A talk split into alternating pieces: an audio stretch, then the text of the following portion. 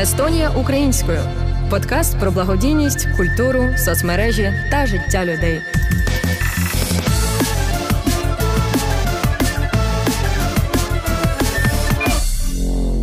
Вітаємо вас, шановні слухачі. Ви на другому сезоні подкасту Делфі Естонія українською.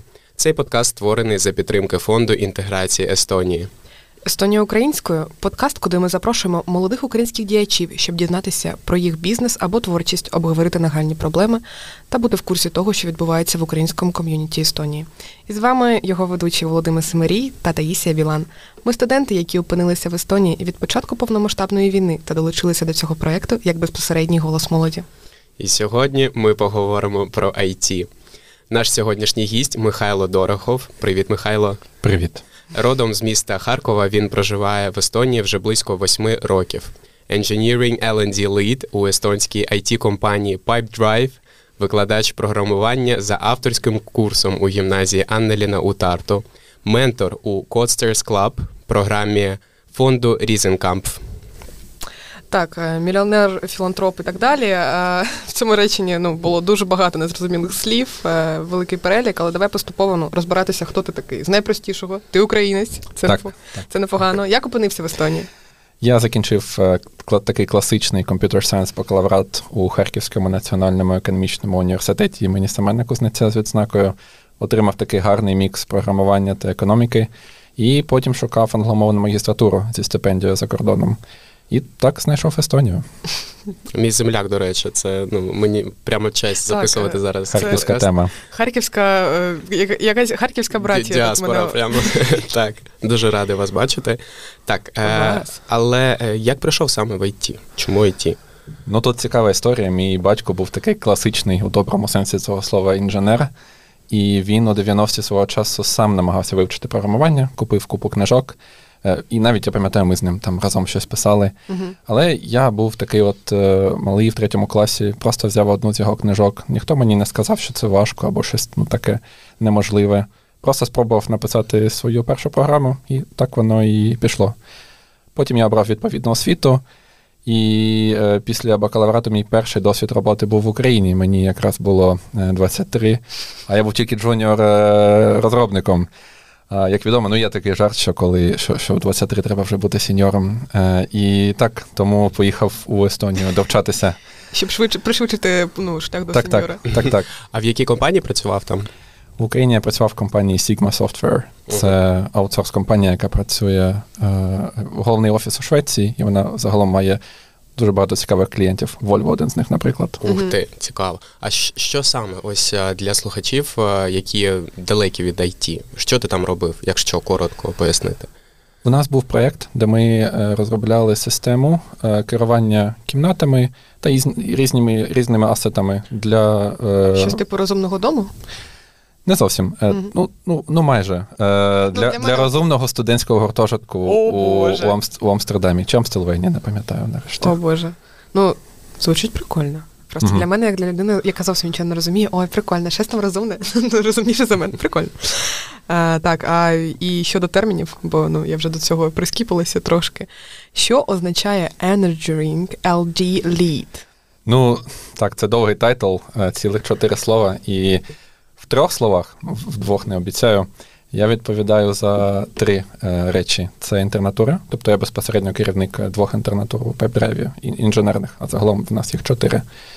Також це onboarding. Це коли приходить новий працівник до нас, новий інженер. Uh-huh. Ми хочемо, щоб його experience був дуже такий, ну, щоб він най, якнайшвидше зміг себе розкрити. Тобто там ми робимо для нього сесії, е, призначаємо ментора. Е, і так, так, щоб в нього був класний старт. І третє, це я відповідаю також за роботу зі студентами, щоб вони знали, що ми є, і вони знали, що в нас прикольно. О Боже мій. Ну от ми знаємо про вас. То ми запак... Е, про вас, Боже. Great success. Тоді. Про так. тебе. Жах. Дуже поважна персона, просто ну, хочеться на ви прямо. А е, чим ще займаєшся? Ну, ще я викладаю е, програмування за своїм курсом у гімназії Анеліна в Тарту. Е, Є такий є такий міф, що в Естонії в кожній школі викладається програмування. Це це частково правда, частково так, але все ж не в кожній. не в кожній. І у школі, де працювала моя дружина, я помітив, що такої можливості нема. І і, і хотілося її дати, хотілося створити такий курс. Тому що мені здається, що програмування це нове нове таке literacy. Це от як е, колись, років 200 тому, е, не всі вміли писати. І mm. було якесь поселення, тобі треба було йти до писаря, будь ласка, напиши мені оцей лист, щоб він там кудись пішов. І насправді зараз ми всі вміємо писати, ну і це класно, так? Ну, класно. класно. Ну, непогано. Відчувається прикольно. Було б легше, якби не вміли, напевно. І мені здається, що е, моя ідея в тому, що це, цей курс це не про те, щоб стати хардкор-програмістом. Просто навіть якщо ти вирішив мати магазин квітів, прикольно змогти самому написати собі е, веб-сторінку в інтернеті. Угу. Тобто ти наразі продовжуєш цю ну, діяльність, ти досі працюєш з дітьми? Так, так. Це це вже четвертий рік, як я це роблю. І де, є деякі окремі мої учні, які вже вчаться на другому курсі в університеті саме на розробника. І mm-hmm. так, це щось, чим я пишаюся. І тут, тут є, до речі, цікава кармічна історія, тому що я це почав робити е, в 2020-му. Просто от, ну, так, от з таких альтуристичних е, мотивів. Але потім, коли почалася повномасштабна війна, саме ця школа, в якій я працював, прийняла більше ніж 100 е, українських діток. І насправді їх доглядають, створили. От, наприклад, в 11 класі в них є 10 годин естонської, тобто uh-huh. в них така от окрема програма, щоб вони встигли інтегруватися. Uh-huh. І так, це офігенно. Тобто е, я зроблю такий момент, мама є в телевізорі, пані Хі, пані Юлю. Е, великий респект, великий респект. Супер, супер. І це все? Насправді ні ще я викладаю бізнес, дизайн та програмування у гімназії Яна Поска у Тарту. Е, за курсом, який розроблений програмою Coasters Club, е, який е, за підтримкою фонду Різенкамп. Там там дуже класна команда, і вони роблять щось схоже до того, що я роблю у гімназії Анеліно, але там фокус скоріше на бізнес-ідеї. Тобто ми проживаємо весь стартап-цикл від створення ідеї до реалізації. Програмування тут лише інструмент. Тут Ну насправді не знаю. Тут цікаво, такий, така така, така штука є, що взагалі-то взагалі-то мої е, любі батьки, вони професора, вони викладачі в університеті.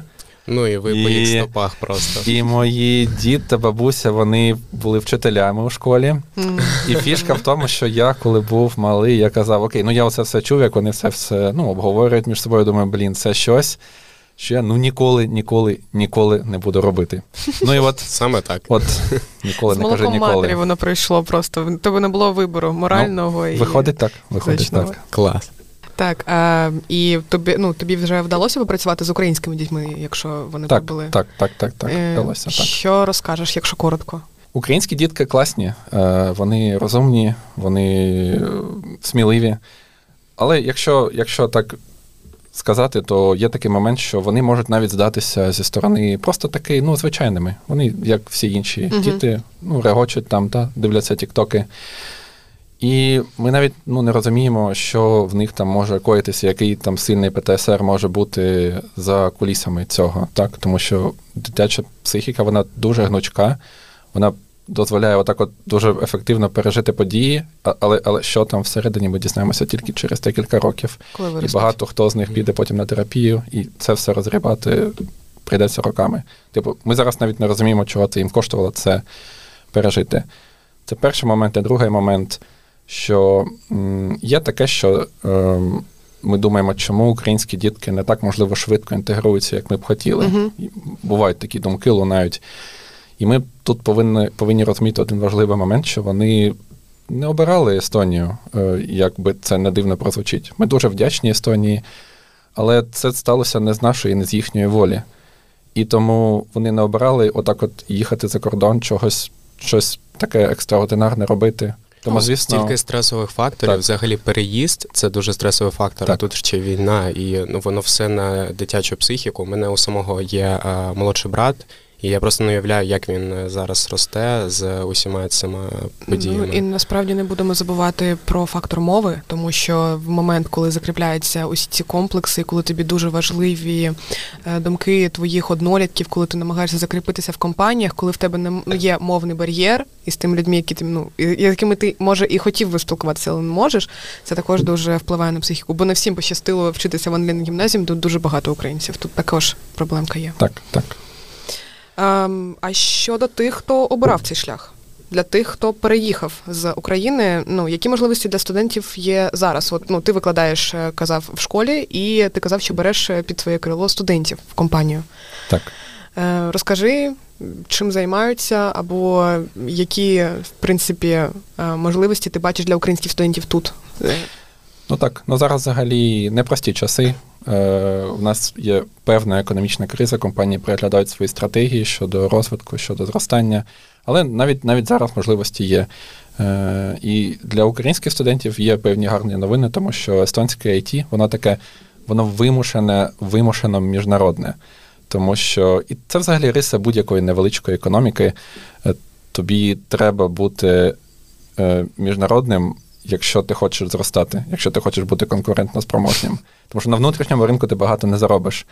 Тому робоча мова в багатьох it компаніях та документація англійською. Тому хоча б е, мовний бар'єр е, не такий вже й бар'єр, Ну, на щастя. А ти, як студент, який тут був е, 8 років тому обживався, які можеш такі малесенькі лайфхаки дати? Ну, Є мені здається, таке? що так дуже важливо бути проактивним, е, писати до компаній, е, питати, чи можна питати записуватися на job shadowing, коли ти приходиш і дивишся, просто що, що робить та Що це таке? Розкажи. Job shadowing – це найголовніше, що це безкоштовно. Це коли це коли ти питаєш у компанії, чи можу я прийти, Вже добре. чи можу я прийти і провести весь день е, з людиною, яка займає роль, яка мене цікавить. Цікавить. Ага. О, Наприклад, я, я вчуся на дизайнера, хочу дізнатися, а от як виглядає типовий день дизайнера, прям як ті YouTube відео. а, ну і як тінь ходиш за людиною. так, як О, тінь. Боже. Тому тінь, тому shadow, так. Е, Чи PipeDrive проводить такі акції? Так, так, ми, ми, відкриті до цього. Там є навіть е, м, загальноестонський проєкт, коли школярі можуть зааплайтися, бути Job Shadow у деяких компаніях. Ми приймемо участь у цьому, але ми також і відкриті для case-by-case випадків.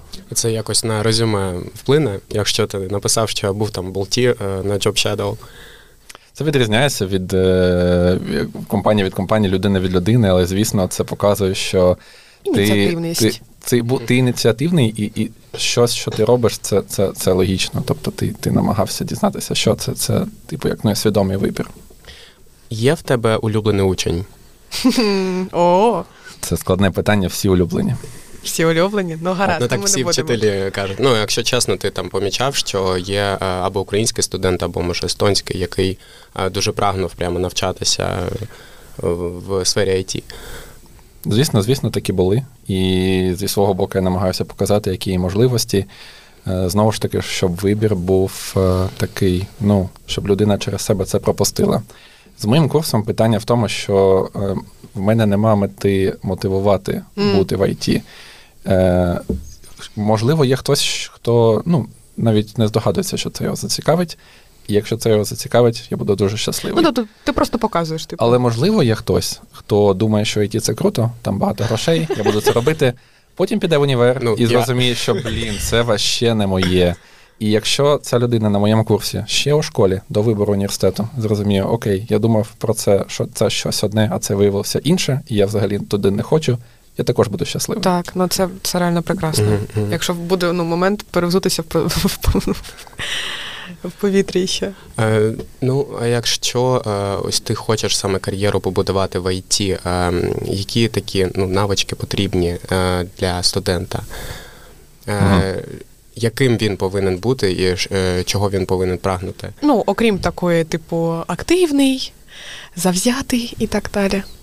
Що цінується? Що кидається в око най, най, ну, найперше? Ну, ти ж проводив співбесіду. Звісно, звісно, звісно. Е, дякую, класне питання. Е, е, цінується те, що ти, як то кажуть, decent human being, Мгм. тому що команда складається з людей. Якщо у людей між собою класна хімія, то це творить дива. Звісно, технічні навички також дуже, дуже, дуже важливі. Але так, я, я не буду тут дуже оригінальним, бо повторю про мотивацію Угу. про відчуття того, що щось ти робиш, ти робиш, ну, ти, ти робиш освічено, тобто це був твій вибір, ти його розумієш. Що ще дуже важлива реч, річ, на яку е, дивляться компанії, це чи ти робиш щось е, як хобі, поза а, навчанням. Я Чи є в тебе якісь проекти, які ну, тебе. просто за Так, так, так, так. Тебе не просили це робити, тобі просто самому цікаво.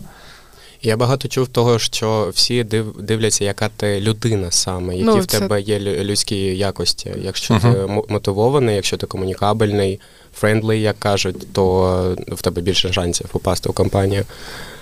Е, Цікаво дуже. Ем, а чим естонська IT взагалі відрізняється від українського? Так, Так. Дуже, дуже класне питання, і різниця дійсно є.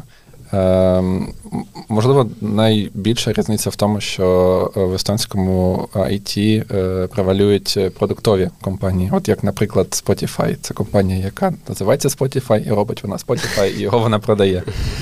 Е, І тут багато таких компаній ми можемо перелічити. Тобто є, є Bolt, є Pipedrive, є, є, є ем, Wise, є Starship і, Мгм. і такі інші. Скайп тут зародився Так, теж. так, так, так, а, так. а щодо цього крутого міфу про кількість стартапів, що вона тут найбільше. Так, так, є таке. Е, Мені здається, що це правда. Якщо ми вийдемо за межі Європейського Союзу, можливо, там Ізраїль е, буде трохи вищий, але загалом так. На таку маленьку країну тут дуже багато стартапів, і це, це круто. Тому що продуктова компанія це завжди, завжди класно, тому що інновації і головні рішення приймаються тут, а не десь. У українському компанії, звісно, також є гарні приклади продуктових компаній. Це, наприклад, е, відома Grammarly. І, і, і це класно. Але взагалі, так от е, у ландшафті превалює е, сервісні компанії. Це ті компанії, які працюють на когось, роблять чиїсь закази. Угу. Хто з it спеціалістів найбільше заробляє? Ким краще стати? До кого е, Боже, таке треба? питання. Ну Дуже цікаво. А, ну добре, тоді е, чого прагнуть усі програмісти? Чого вони хочуть досягнути? Е, так, дуже гарне питання. Робити impact, мені здається. Програмісти досить розумні люди, і їм е, треба знати, що там, де вони знаходяться, на тому місці роботи, де вони знаходяться, вони роблять щось корисне, що на щось впливає, щось покращує. В цьому має бути сенс. Тобто відчуття сенсу, ми там вже десь ну, наверху, по піраміді Маслоу. Це важливо. Так. в мені ну в моєму розумі завжди домінувала думка, що програмісти це люди ліниві, які один раз пишуть код, і потім цей код працює до кінця їх життя. Ну, це одна із, мотива... з мотивацій в цілому. а, Так, типу, зробити так. один раз так. і на віка. Таке є, таке є. Так. А чи завжди програмісти тільки пишуть код? Чи вони ще роблять щось? І ми тут торкнулися дуже класного міфу. До речі, так, програмісти не тільки пишуть код, е, досить не тільки. Тобто, програмування це далеко не тільки hard skills, це Мгм. також е, багато soft скілів. Тобто, треба зрозуміти, які вимоги, що, що, що типу треба зробити на цьому конкретному проєкті, в цьому конкретному таску. Треба також вміти комунікувати з командою. Треба вміти завчасно бачити якісь такі от людські тенденції. Тобто, так, дуже багато софт-скілів, які важливі. І я би не сказав, що написання коду займає навіть, е, ну, тобто це навіть не 80%. Ну я якщо я правильно зрозуміла, то тема в тому, що якщо людина просто вміє кльово писати код, це нічого не вирішує в, її- в ситуації. Ну тобто, Скажімо так, це недостатньо, щоб Недостатньо, стати прямо топ-спеціалістом. Так. ну в принципі, як і в будь-якій іншій професії, але мені цікаво, що ти згадав про софт, е, ну, е, ну про інші. Хоча так. все ж таки. IT для мене це завжди була така технічна професія, де реально важливий скіл. Так, Так. насправді ні, насправді ні. Насправді не все, не все тільки, тільки технічне, так. Розкажи про те, як саме ти став Engineering Lead. Ну, тут така історія, що я доєднався до PipeDrive е, розробником. Я працював е, спочатку над е, ну, в такому класичному амплуа софтвер інженера. Але так сталося, що один за одним мені здається, що просто мій менеджер побачив цей потенціал, як я постійно обожнюю щось комусь пояснювати, ходити, типу, там отак, от, та ди- дивись, отут легше отак от. І е, спершу мене е, спитали, чи можу я вдосконалити нашу mentorship system, тобто як, як, от, як от ментори допомагають е, новим працівникам. Мгм. І це було моє перше завдання. Потім ми вдосконалили декілька документацій, також які читають інженери, які до нас приходять. І нарешті потім мені довірили дуже великий проєкт е, заснувати нову е, навчальну інтернатуру. І от тоді я вже отримав е, свій новий title. О, Цікаво, цікаво дуже. Ем, ну, взагалі, ринок IT дуже конкурентний. Чи будуть потрібні спеціалісти в майбутньому? Класне питання. Е, ну так, дійсно, у нас зараз криза, і ні, на певні часи, але в майбутньому точно так. З одного боку, ми бачимо, що дійсно е, університети випускають більше спеціалістів, але з іншого боку, і сервісів навкруги нас становиться також більше. І є ще багато сфер, які не автоматизовані насправді, і багато в чому ми ще можемо допомогти людям зробити їх життя легшим. Угу. Тобто ти зводиш е, все до того, що, типу, чим чим ширший світ, тим більше спеціалістів? Звісно, навіть в цьому буде якась, який, якийсь singularity point, навіть, mm-hmm. навіть, навіть, навіть це дістанеться до якогось плато, але я вважаю, що ми ще не на ньому. Прикольно. Е, Тому що мені здається, зараз е, ну, тільки три професії в цьому світі ну, такі бажані: це типу айтішник, е, тіктокер та стрімер. Ну, все, більше більше нічого ну, не хочеться. Колись був економіст. Привіт, ну, економіст, адвокат. Так, так, усі вчилися раніше на економісти, і зараз ну, багато хто каже, що те ж саме буде з айтішниками. Блін, але, одна але я лох вчилася на журналіста. Блін, де ж таке ну, не попадає в тенденції. Який жах. Ми можемо переходити потроху до бліцу. Бліц питання. Ой-ой-ой. Питання номер один. AI – це сучасний тренд. Чи відбере AI роботу в айтішників? Фігенне питання, і і не перший раз я його отримую. AI – це дуже класний помічник. Тобто е, помічник, хоч і дуже розумний, але останнє слово все одно залишається за людиною. І мені здається, з AI кожен програміст просто стане набагато ефективнішим. Ми можемо порівняти те, як я з'явився зараз з появленням калькулятора у математиці. Тобто, колись багато років тому в школах е, був такий предмет, типу як ну, рахування. Треба а, просто рахувати. Так. так, так, викладач сказав: от вам тризначне число, перемножте його на тризначне, я буду через півгодини. І що з'явилося зараз? Так, є калькулятори, цього робити не треба. Ми перейшли на більш е, високорівневі речі. Тобто ми рішаємо квадратні рівняння, тригонометрію, оце от все. Така ж сама штука. Така ж сама штука. Але от е, що ти думаєш, е, з появою ChatGPT багато студентів зараз його використовують просто для того, щоб написати есе. Чи, е, ну, буду жаргоном виражатися, не затуплює це їх? Як ти вважаєш? Ну тут, якщо ми задаємо той самий калькулятор, також хто з нас може так і класно рахує, ну, просто от без нічого, дуже великі цифри. Е, так само. З іншого боку, так. Тобто тут тут моя порада в тому, що AI повинен бути помічником, ментором. Ну, це фактично як вчитель, який просто в тебе доступний 24 на 7. Ти в нього питаєш, як краще, ти в нього питаєш, чи є в мене тут помилка, але ти не не не питаєш його робити це за тебе. Чесно кажучи, я це для себе проводжу аналогію з Вікіпедією. Типу, звісно, це прекрасно знати дуже багато фактів, але ну запам'ятовувати їх документально до кожної дати. Ну це просто ну типу wasting your time and your mind. Ну це це не має ніякої практичної користі. Якщо я можу взяти Google або там ту ж саму енциклопедію е, і знайти information, то ну на нашу мені запам'ятовувати, наприклад, в якому році Одеса стала Портофранко. Якщо є таке, є таке. І навіть це не навіть не щось нове. Ну, типу, до навіть до появи AI у вас міг бути дуже розумний друг, і у вас є така моральна дилема. Чи попросити його написати домашнє завдання за тебе, чи попросити його допомогти, те, щоб він все пояснив. Така ж сама штука. Або код написати за мене. Угу. Добре. А, Які п'ять найпопулярніших помилок в програмістів, початківців? П'ять не обіцяю, але чотири спробую. Е, Одну з них я вже назвав: це думати, що програмування це тільки хардскіли. Це не так.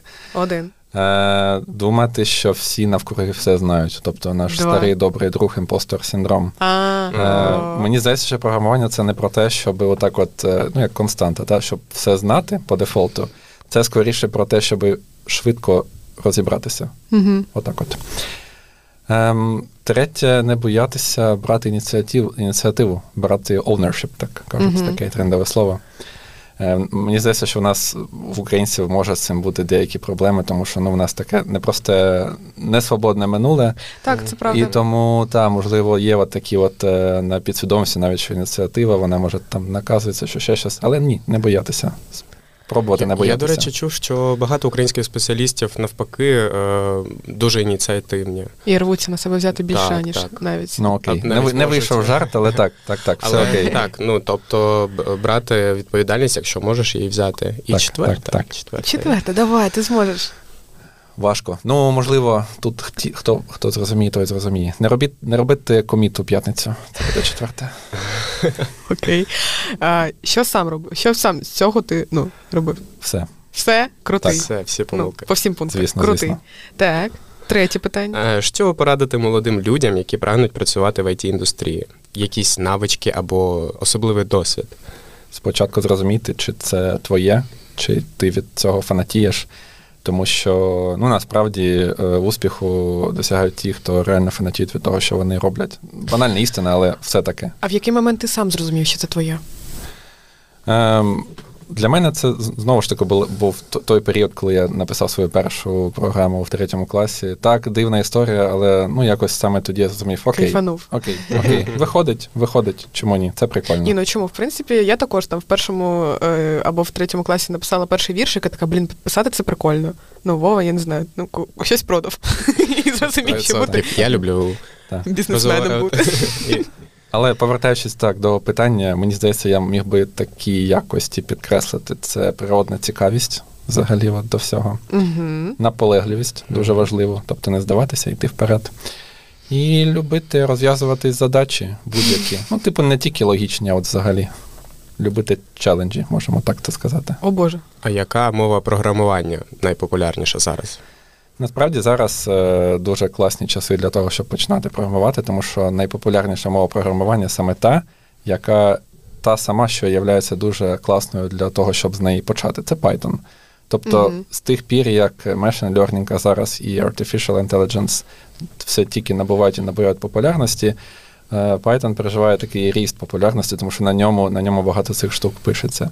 І він також є тією самою мовою, з якого з якої рекомендують починати. Ну ой, блін, ну у мене навіть в українській школі були уроки Python, і в нас була вчителька, дуже така літня жіночка, яка завжди казала на кнопку бутон. Ми такі зараз створюємо бутон. Створюємо бутон. Цікаво. У нас сьогодні так багато термінів, англіцизмів цих. Yes, of course. Fabrics. Details, fabrics, Так, yes, так, of Дуже цікаво. А, а що треба вміти, щоб потрапити на стажування у PipeDrive? Е, в нас є декілька стажувань, е, чотири. З них безпосередньо я менеджу дві з них. І е, перша наша інтернатура це е, сумісна інтернатура з університетом Тарту. Називається вона індустріальна магістратура. Це коли ти вчишся на магістерці, тобто. Треба вчитися на магістерці в університеті Треба Тарту. вчитися. Це вимога. Так, Ну, так, взагалі. так. Пункт перший. І так, так, так. Там ідея в тому, що три дні на тиждень ти можеш працювати в нас, набувати такого от, ну, безпосереднього досвіду, а два дні в тебе є, щоб писати дослідницьку магістерську роботу. Е, і є друга інтернатура, вона така фокусована на навчання. Вона називається School of Code. Ми зробили її е, в минулому році у Талліні, цього року робимо в Тарту. Там ідея в тому, що ми набираємо молодих перспективних людей, які або вже вчаться на бакалавраті, або може щось е, вчили самі. Тобто нас цікавить, чи ти вмієш е, написати щось базове на будь-якій одній мові програмування. І потім вже ми допомагаємо набути все інше. А, десь можна цю інформацію знайти про Так, це? так, це на pipedrive.com, просто туди Ага. йдеш. А, там, окей. все І там, і там так. шукаєш все, що тебе так, цікавить. Так, так, так. Е, Або окей. слідкувати за нами у LinkedIn. О боже мой, або сталкерити вас під вікнами будівлі PipeDrive. Таїся, ну, п'яте питання задасте. Е, Три книжки, які порадити нашим слухачам. Ну, сподіваюся, там є книга про тайм-менеджмент, тому що А, ми, ну, 100%. ну, блін, я одна буде з е, успішного успіху. О! Це, та й навіть вона не дуже. Це, це чому ми спимо від е, чому ми спимо від Меттю Волкера.